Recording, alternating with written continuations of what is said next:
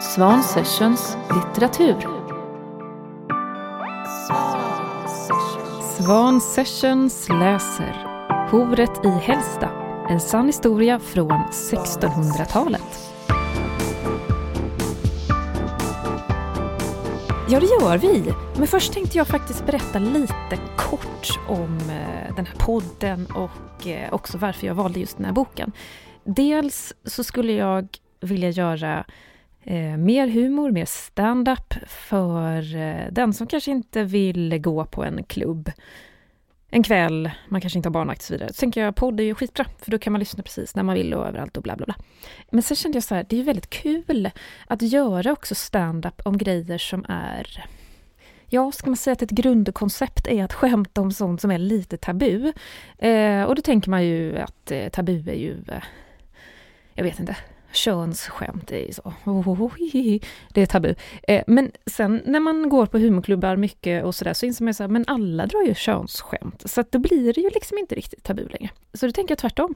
Eh, det är roligare att göra standup och eh, om en väldigt, väldigt torr bok. Men sen kan man ju inte låta bli då att tänka att det måste finnas lite ingredienser av tabu. Så därför har jag valt till första Svan-sessions om böcker Horet i Hälsta, en sann historia från 1600-talet.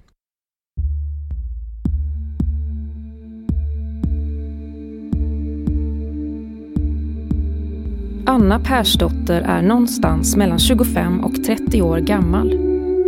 Hennes mamma har nyligen gått bort och hennes man håller sig undan från gården. Det går ett rykte om Anna. Det sägs att hon varit otrogen mot sin man och inte bara det. Har hon kanske också försökt förgifta honom? Det här är år 1685. Att vara otrogen är ett brott. Det kallas för hor. Anklagelserna tas till häradsrätten där pigan Britta anklagar sin matmoder Anna Persdotter för att ha försökt förgifta sin man. Och vid ett tillfälle legat med drängen på gården. Till en början nekar Anna. Det var inte ett gift som pigan trodde sig ha sett. Det var stenar för att hjälpa sjuka djur på gården. Men sen erkänner hon. Det var ett gift. Det var till för att förgifta hennes man. Men det var inte hennes. Det var drängens. Drängen kallas sedan in till häradsrätten där han inför publik ställs inför Anna och får höra vad hon har sagt. De bråkar om vems idé det var. Rätten lyssnar. Till slut blir drängen riktigt arg och erkänner att de har legat med varandra, precis som pigan sagt att de hade gjort. Anna erkänner, men inte heller det var Annas eget förslag. Hon säger Ingenting har jag dristat mig till att sätta honom emot. Han har betett sig respektlöst mot henne och varit våldsam, menar hon. Det är då de nya anklagelserna kommer. De är riktade mot Anna och nu kommer de från drängen. Hon har, som han säger, bolat med tre andra personer.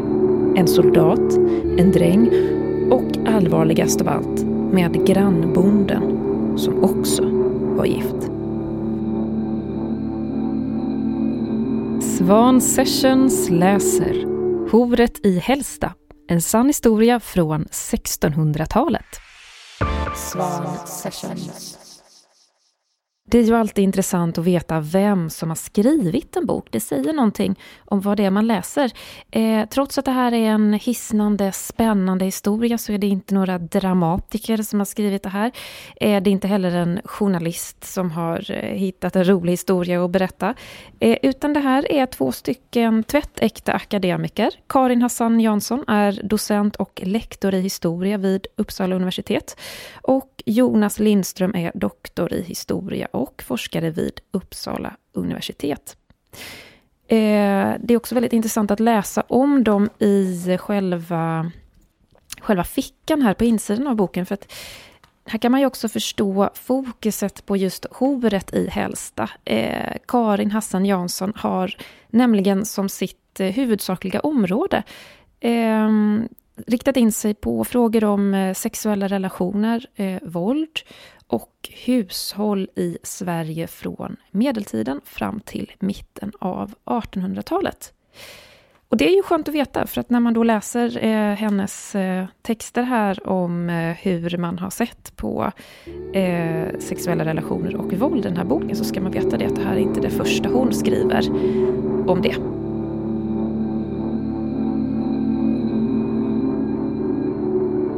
I medeltida religionen hade man regler för sex inom äktenskapet. Sex var en synd om det skedde på vissa helgondagar, till exempel. Eh, män ska ligga överst. Eh, det ska ske på nattetid och helst med kläder. Ja, passande klädsel står det. Det är ju väldigt svårt att tänka sig vad det skulle kunna vara. Det undrar man. Luther då hade en mer positiv syn på sex och det är den Luther lutherska tron som slår igenom här. Eh, och då tänker man att lusten kommer från Gud och därför är den okej. Okay. Eh, men det ska ju vara inom äktenskapet. Och det här är lite spännande att tänka att även då på slutet av 1600-talet så kanske man ändå kände så, ja vi lever i en modern tid. Sex börjar bli lite mer okej. Okay. Men inom äktenskapet, man kanske ändå upplever så här, shit vad nice att leva i slutet på 1600-talet. Och typiskt den som var på medeltiden. Eh, så att jag kan å ena sidan känna så här, satans vad de var intresserade av vem som legat med vem förr i tiden, när det då slutet av 1600-talet. Men sen å andra sidan kan jag känna så här, ja, det är ju lite så gör ni också. Det här är ju lite av en såpa, men den är också på riktigt. Svan Sessions litteratur ger Hovret i Hälsta en läsning i två delar och du har hört den första.